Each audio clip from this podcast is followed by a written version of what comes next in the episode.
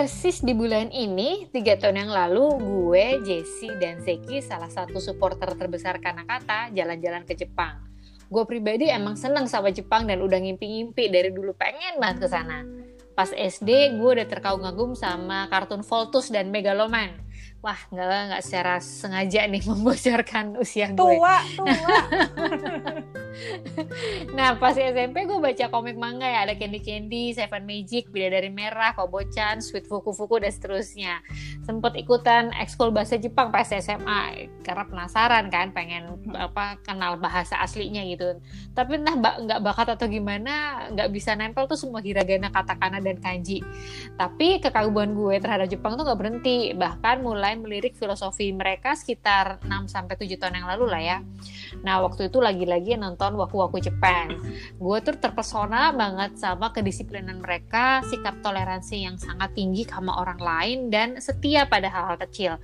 Melihat orang menyajikan tempura dijelasin satu-satu. Terus ada kemasan makanan gitu, dikemasnya satu mochi, bungkusnya banyak banget. 10. ya. Kan terus kalau beli barang juga dibungkus rapi banget. Dan toko-tokonya tuh dibiarkan kecil dan homey.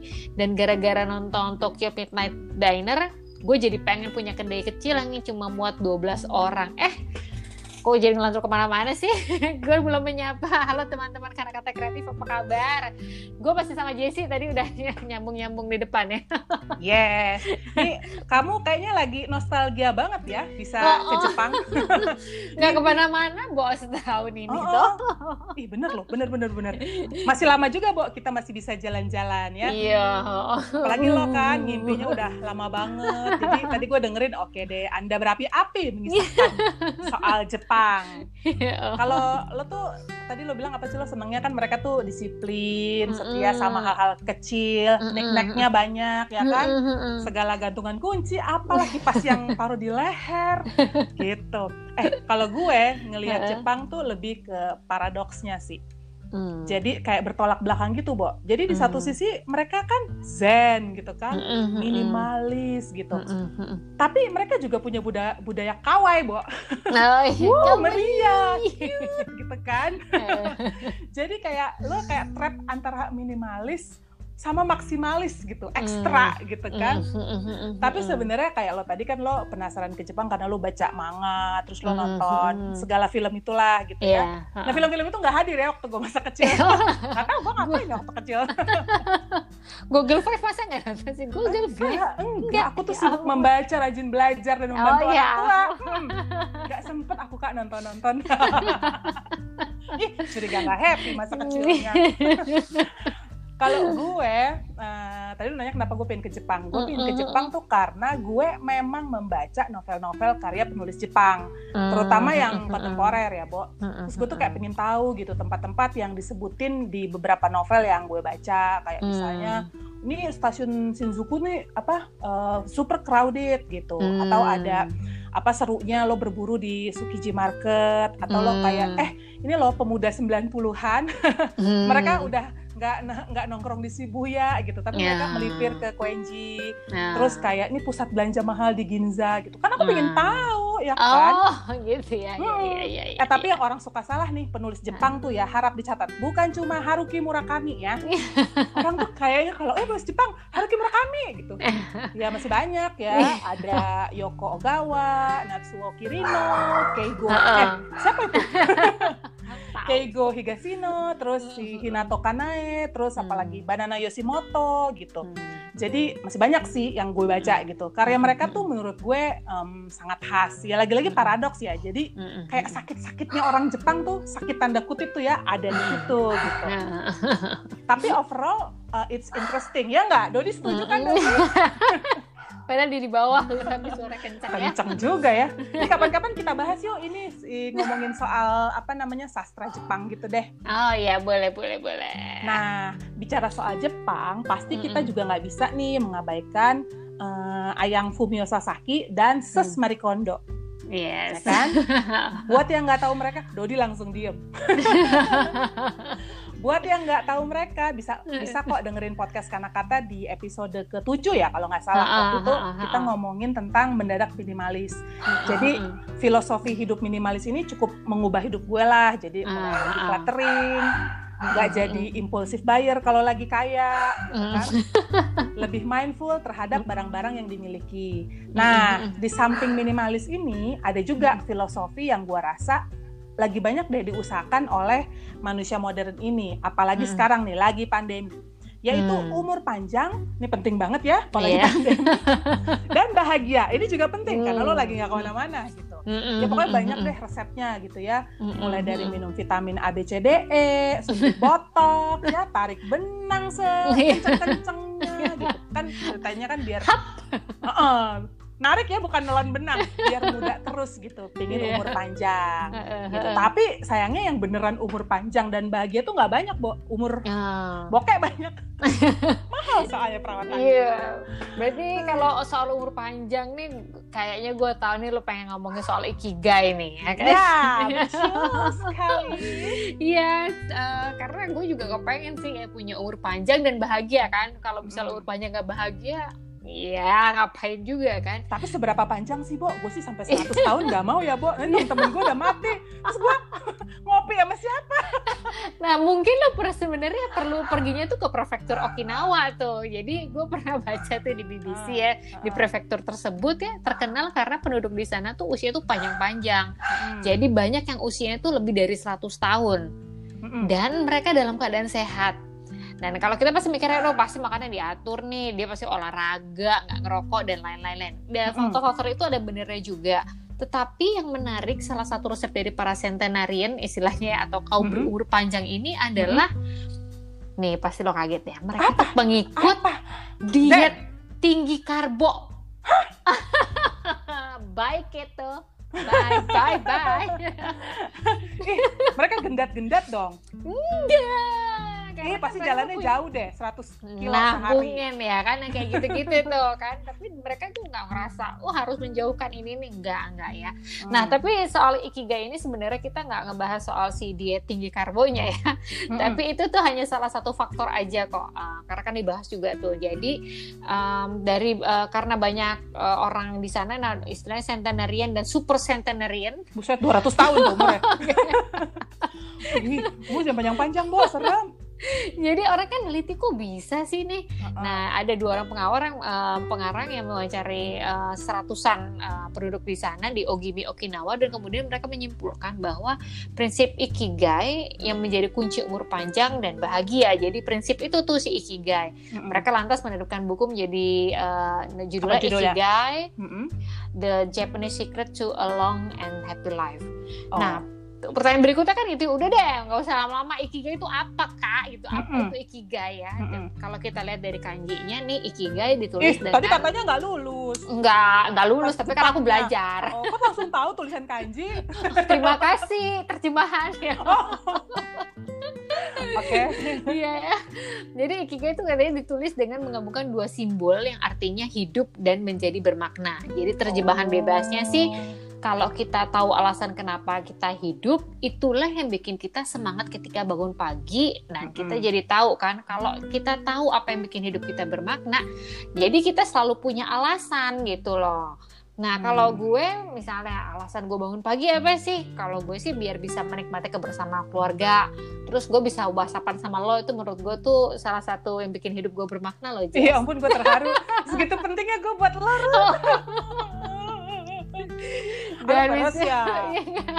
dan bisa nulis gitu ya. Nah itu ya menurut gue itu aja sih yang bikin gue bikin lo semangat. Uh, uh, uh, uh, uh. Oh, ya, simple ya, ya. ya kalau kalau lo gimana? Kalau mungkin lebih kompleks oh iya ya tujuan oh, benar. makna hidup lo. Lo simple gue harus selalu uh, berlawanan dengan lo ya. Iya paradoks ya. tadi.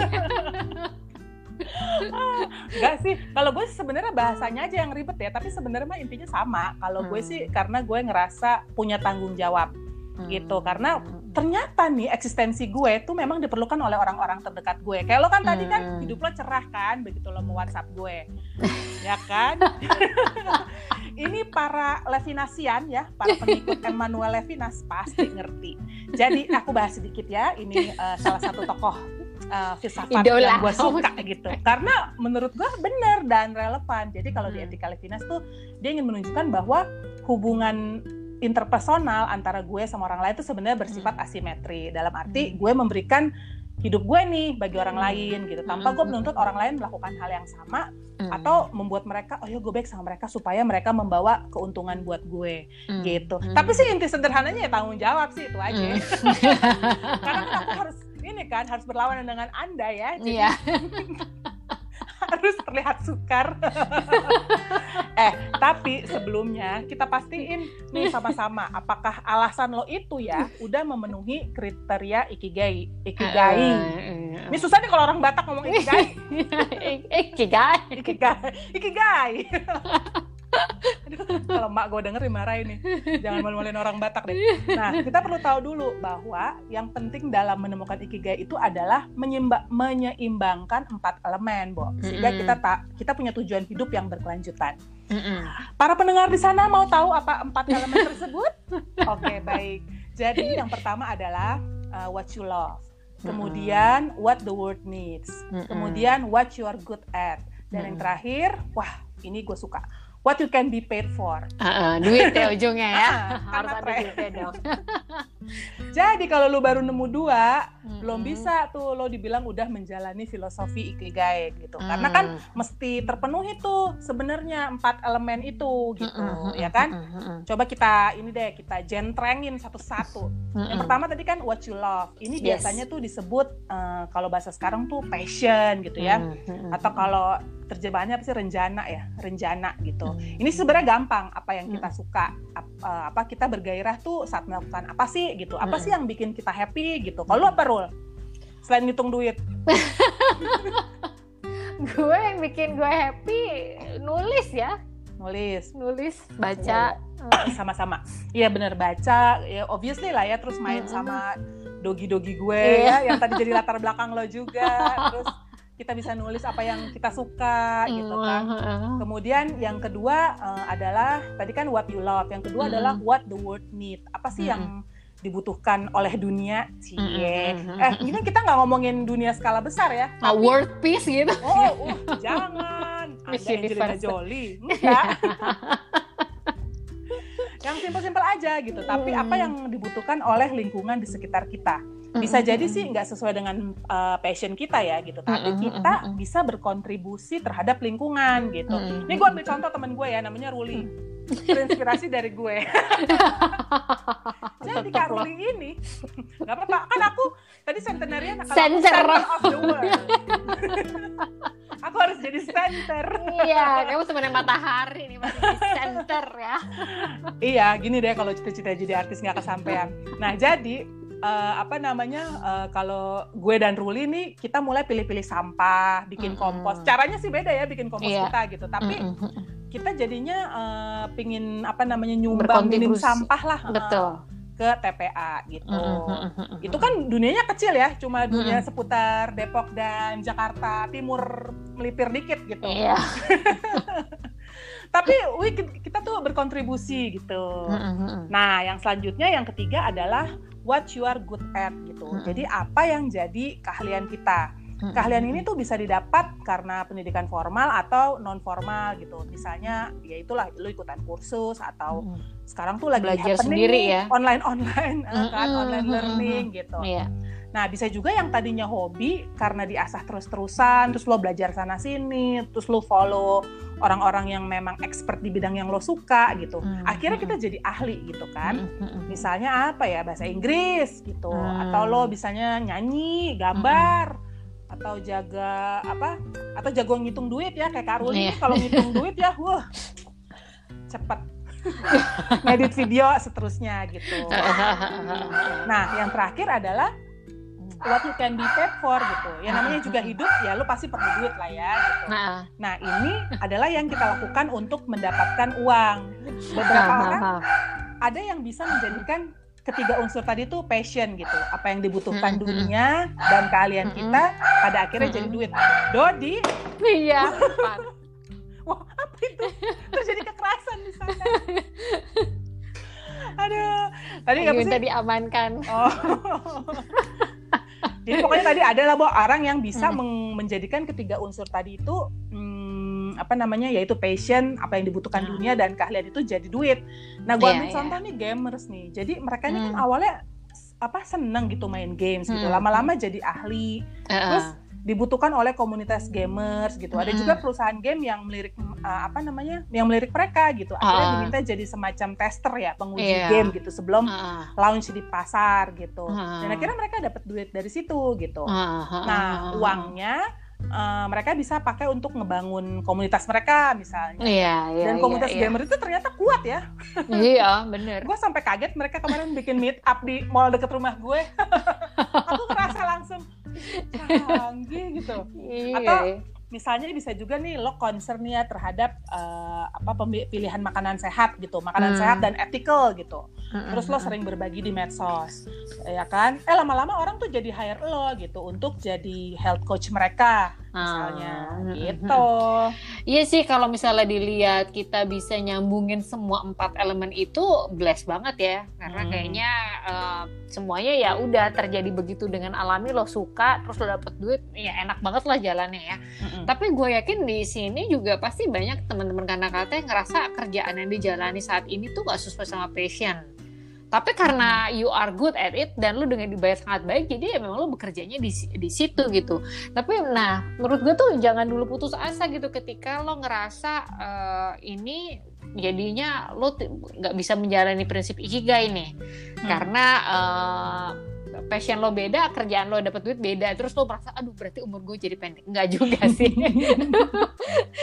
kan gue rasa gini kan dari tadi kan nggak um, mesti nyambung semua, tapi kalau misalnya lo masih punya waktu untuk menjalankan passion itu dan lo juga bisa bisa berguna buat sekitar lo, ya minimal buat keluarga lah. Menurut gue sih itu juga udah ikigai ya walaupun nggak hmm. uh, apa bidangnya beda-beda gitu. Dan hmm. itu kalau lo udah bisa memenuhi empat elemen itu, itu ha, ya artinya selangkah menuju uh, umur panjang gitu ya. Hmm. Dan satu uh, hal lagi yang dari filosofi ini yang gue tangkap sih uh, ikigai setiap orang itu beda. Nah ini nih yang kadang jadi PR kita sendiri karena kita sering kali memandang kebahagiaan itu dari kacamata orang lain. Jelas hmm. aja nih dia punya alasan bangun pagi tuh gampang banget, uang rekeningnya aja udah wow angkanya udah uh, apa namanya udah gede banget dan aman dan kayak tinggal liburan deh gitu. Hmm. Nah menurut gue sih ya makanya lu jangan keseringan lihat Instagram Instagram orang sih, Bu. Tahu, siapa tahu throwback. libur ada kapan ya? Iya. Di ininya tiap hari ya kan? Ulang-ulang. Iya, jadi makanya kita tuh jadi kesulitan untuk menemukan makna hidup kita sendiri karena kita sibuk ngeliatin ke orang lain gitu. Nah, nah gue yakin sih uh, pada setiap kita pasti ada passion atau bakat unik yang kita miliki yang menggerakkan kita untuk memaksimalkan hidup kita setiap harinya. Tapi kita ngerasa nggak punya karena yaitu waktu kita keburu habis buat kerja lembur kuda, eh lembur lembur kuda kerja lembur bagai kuda gitu kan, sampai hmm. lupa orang tua gitu. Nah hmm. prioritas sekarang tuh sebenarnya kan uh, yaitu um, kayaknya gue tuh cuma buat apa pemenuhan kebutuhan hidup sehari-hari sama ngelunasin cicilan deh. Bucil, bucil. Jadi, nah, Udah cicilan. Jadi buntutnya susah banget buat apa bangun pagi dengan gembira gitu karena ngerasa hmm. hidup itu beban. Jadi kita nggak happy ngejalaninnya. Hmm. Kalau udah kayak gitu buntutnya apa? Stres. Kalau hmm. stres berkepanjangan ya emang sulit sih untuk punya hmm. umur panjang. Hmm, udah umur lo pendek ya. Marah mulu. Hmm. Jadi kalau menurut gue yang ngerasa hidupnya kosong alias nggak penuh, mungkin saatnya udah mulai cari tahu nih gimana sih supaya hidup gue ini lebih bermakna setiap harinya, sehingga gue bisa bangun pagi dengan gembira, semangat dan selalu positif.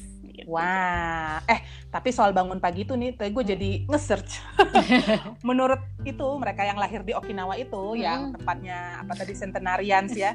Kalau gue kan the center of the world, kalau Centenarians itu ikigai itu kan memang mem, apa alasan yang membuat kita bangun setiap paginya gitu. Hmm. Eh, lu kebayang nggak sih kalau kita nggak tahu ya, clueless gitu hari ini mau ngapain? Kan kaya ya kaya gitu. Atau lagi nggak punya duit juga jadi clueless gitu. Ya hidup kita tuh akan berasa kosong, hmm. hari itu berlalu begitu aja. Apalagi uh-uh. sekarang lo ngerasa nggak sih hari itu makin cepet pembatasnya iya. tuh kayak nggak ada gitu loh. Iya, kayak tetek sore. Uh, uh, ya kan? Terus tiba-tiba lu udah tidur malam bangun lagi tetek sore gitu.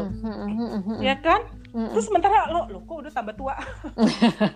ya udah karena lu nggak punya tujuan ya lu seharian ya males-malesan lah ya lu drakor ya yang biasanya lu nontonnya sehari sekali nih lo langsung binge watching gitu yeah. 16 episode. Ya. kebut. Eh, para drakorian ya, tolong bertobat sekali ini kan 16 episode buat lu 16 jam lo berarti lo dedikasikan ya kan? Apa lo eh, lo makan kerja sadanya nonton YouTube nggak kelar iya benar. gitu ya udah apalagi yang apa yang udah makin terbiasa di rumah kan ruangnya kan udah saling bercampur gitu. Iya. Sehingga kita tuh kayak udah nggak bisa ngebedain kapan emang perlu kerja atau Mm. santai-santai. Ya tadi Mm-mm. gue bilang gitu. Jadi makin kedubrakan gitu jelang Iya, sore iya. baru eh ternyata gue belum ngerjain ini ini ini belum selesai. Ah gue lembur aduh gue kurang tidur. Besoknya lo bangun siang ngegerundel ngeluh. Ya, pokoknya gitu deh Bo ya bukan cuma hidup lo yang gak spark joy muka lo juga gak spark joy gitu padahal kalau tadi nih kita Hmm. menyadari bahwa kita tuh kan dibayar karena keahlian kita kan what apa Mm-mm. you're paid for gitu Mm-mm. Nah, kita tuh bisa berkontribusi dan mendapatkan upah, ya Mm. kan dari kerja itu dan upahnya itu bisa untuk memenuhi kebutuhan hidup kita gitu. Mm-mm. Nah, kalau lo mikirnya gitu aja, gue percaya kok kalau kita apa langkahnya lebih ringan gitu untuk Mm. kerja ya, Mm-mm. lebih ikhlas gitu kan. Iya, lebih iya lebih ikhlas benar-benar. Ini klien Iya. bawel nih gini gini gini gini gitu. Apalagi kalau kerja di rumah gini kan eh, ritmenya nggak nggak sama nih jam kerja. Iya. Gua kita berdua aja ritmenya nggak sama kan. Mm-mm. Mesti yang- janjian dulu. Hmm, gitu. Nah, kesadaran ini sepertinya udah mulai dilupain nih karena udah keburu jadi rutinitas dan ya udah gitu hari berlalu begitu aja, nggak ada maknanya. Mm-mm. Tapi kayaknya kalau kita ngomong begini kok kesannya kayak jadi susah ya, Bo. Wah, ini stres banget begini. Padahal sih seharusnya enggak karena mereka yang udah menjalani ikigai itu nggak akan menganggap segala sesuatunya tuh sebagai sesuatu yang terlalu serius gitu. Nah, heeh.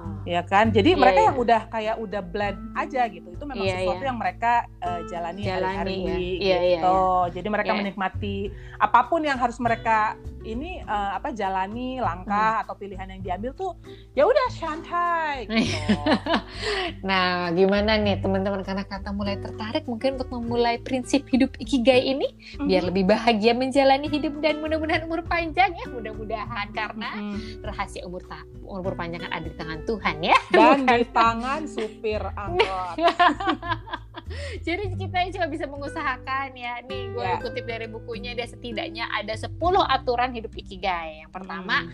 tetap aktif. Jadi nggak usah pengen pensiun cepet-cepet. Iya kenapa sih orangnya pensiun muda, lima cara eh apa 50 cara pensiun muda. Lu mau ngapain lu pensiun muda habis itu hidup lu masih panjang lu mau ngapain? Iya bener nah. Tapi lucu juga yang kedua adalah take it slow ya. Yang ketiga Oh. jangan kekenyangan. Heeh, ups. Mm-mm. yang keempat punya teman-teman baik yang selalu ada di sekitar kita. Yes. Kelima itu tetap Mm-mm. langsing uh, pada ultah lo berikutnya. Jadi lo harus kayak jaga uh, body lo uh, selalu stay in shape gitu ya. Heeh. Terus yang keenam banyak senyum. Yang Heeh, ketujuh, ih, kita banget. gue yakin yang denger sekarang pasti sambil senyum juga. Senyum sinis tapi ya. Jangan dong. Ikigai ya. Ikigai. Yang nomor tujuh ada reconnect with nature. Jadi kita harus dekat sama alam, jarin hubungan sama alam, dengerin alam. Kedelapan, nah ini bersyukur. Nah, kesembilan live the moment. Jadi menikmati dan hargailah hari ini gitu ya. Dan yang sepuluh follow your ikigai yaitu temukan makna hidupmu sendiri. Mm-mm. Gampang kan? Jadi kalau disimpulkan secara sederhana sebenarnya ya lo bisa jalani hidup lo dengan merasa cukup, bersyukur dengan apa yang lo punya dan nggak serakah tadi ya kan jangan kekenyangan gitu. itu tuh salah satu bentuk keserakahan ya. Tahu lagi lu kenapa Dalam kenyang kalau skala bisa bungkus, ya kan? Makan di rumah. Tapi lucu juga ya aktif tapi sekaligus take it slow. Ini rada unik sih menurut. Paradoks, Satu- paradoks. Hmm, Jepang ya lagi ya. ya. Heeh, Jadi satu sisi kita harus aktif, jangan kebanyakan mager, tapi di sisi lain kita juga harus tahu tuh kapan kita harus mundur sejenak. Jadi sebelum gaspol lagi ya dalam aktivitas kita eh, di hari berikutnya. Jadi gua rasa sih eh, ya bener ya ngapain sih lo pengen buru-buru pensiun mau ngapain? Masa mau isinya leleh mulu? Hmm. Nggak capek. Tahu pegel, Bo. Kebanyakan santai juga mulai stres. Iya, dan ini yang harus dikagumi juga kan oma opa umur 100 tahun aja selalu masih punya loh, masih punya alasan buat besok paginya bangun pagi dan menjalani hidup. Masa Gila. sih kita kalah umur baru segini? Oh, Bener, aku bener, pengen bener. pensiun dini. AIDS, AIDS, AIDS. Hmm, hmm. Itu oma opa yang umur 100 tahun tuh Bo udah menyaksikan segala perang ya. Iya, Segala iya, dan- perang, segala revolusi. jadi saksi sejarah hmm. eh tapi hmm. jangan salah hmm. IGA ini nggak hanya bisa kita terapkan dalam kayak hidup hari-hari hmm. tapi juga dalam hal membangun bisnis hmm. ya kan gimana Mungkin, tuh gimana tuh ya kan pasti pengen tahu deh ini teman-teman pengen tahu kan kalau passion uh. itu akhirnya malah bisa membiayai hidup kita ya hmm, udah uh, tinggal kita bongkar aja prinsip yang empat itu tadi Bo uh, gitu. misalnya passion uh, kita banget nih bahasa Inggris gitu. Hmm. Wah, pokoknya aku tuh kalau pakai bahasanya Ratu Inggris tuh aku langsung oh, cis cis gitu yeah, ya. Iya. Tahu bahasa budaya. Hmm. Inggrisnya kita kan ngomongin Jepang, Jepang aja. Bahasa iya, iya. Jepang gitu ya. Aku berasa saudaraan sama kaisar gitu kan. Tahu bahasanya, budayanya dan lain-lainnya gitu. Nah, karena senang kita jadi otomatis selalu mengupgrade kemampuan bahasa kita gitu. Kita ikut les, banyak baca dan akhirnya lo tuh jadi ahli. Nah, ini udah dua yang terpenuhi. Kita tinggal cari lagi nih gimana kemampuan bahasa Jepang tadi itu bisa membantu lingkungan gitu. Ah, Misalnya ah, ah. ada perusahaan yang membutuhkan uh, jasa penerjemahan dokumen di bahasa Jepang. Ini udah jarang loh.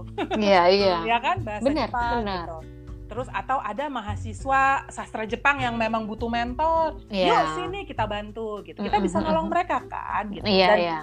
Kalau yang tadi tuh kalau perusahaan yang minta kan pasti ada cuannya iya gitu. dong dibayar gratis sih ada yang turun nah jadi yang awalnya freelance freelancer gitu ya nggak tertutup kemungkinan nantinya bisa memiliki usaha penerjemahan gitu atau tempat kursus bahasa, bahasa Jepang, ya. Jepang sendiri ya, gitu. Uh, uh.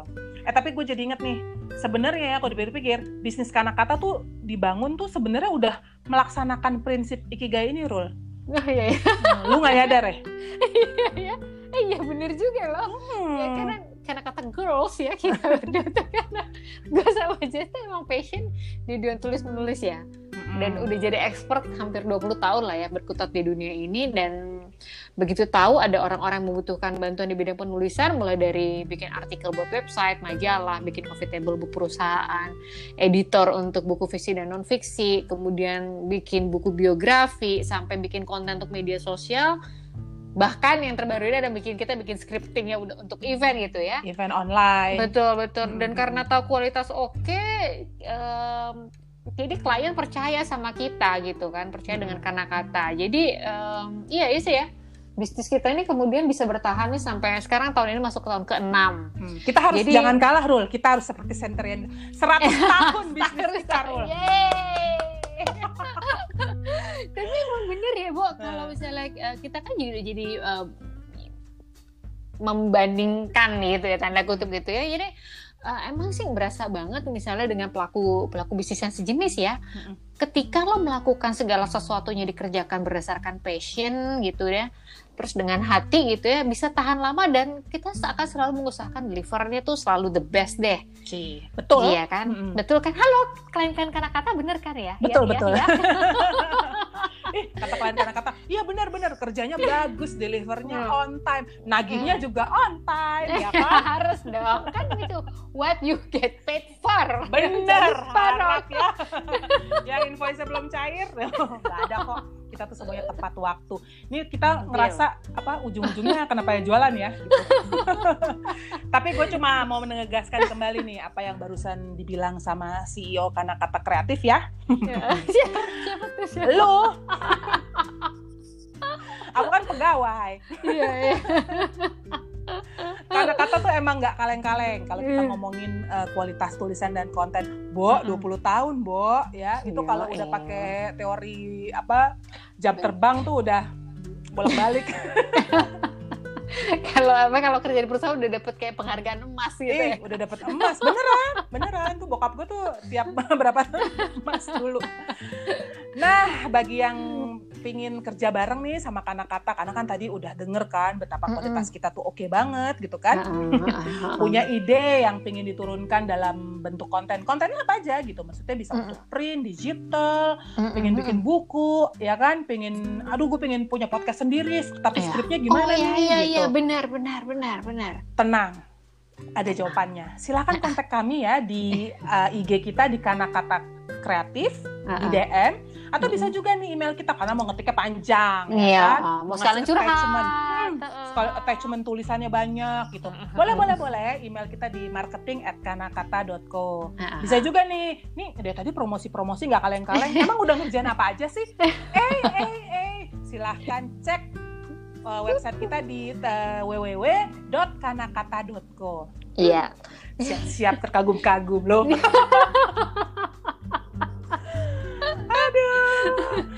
Tapi ya pokoknya gitu deh. Kita akan mengecek deh semua pesan-pesan dan apa namanya email uh, teman-teman sekalian kita baca kok dan kita balas dan kita eksekusi. pokoknya anyway ya Rul, lepas dari segala pesan dan kesan promosi hari ini, penting banget memang buat kita semua itu untuk menemukan makna hidup gitu. Jadi kita tuh nggak ngerasa kosong saat menjalaninya gitu. Yes. Jadi lo terserah deh lo mau umur lo panjang, umur lo pendek yang penting yang lo jalani waktu yang lo jalani yang dikasihnya itu lo uh, menjalaninya dengan penuh uh, makna gitu ya, dan bermanfaat ya bagi diri ya, sendiri dan betul. bagi orang lain betul gitu, iya ya. benar Yes. Ustazah Jessica pamit dulu. Ruli juga sampai jumpa yes. di episode berikutnya ya. Oke, okay, bye. Bye. -bye.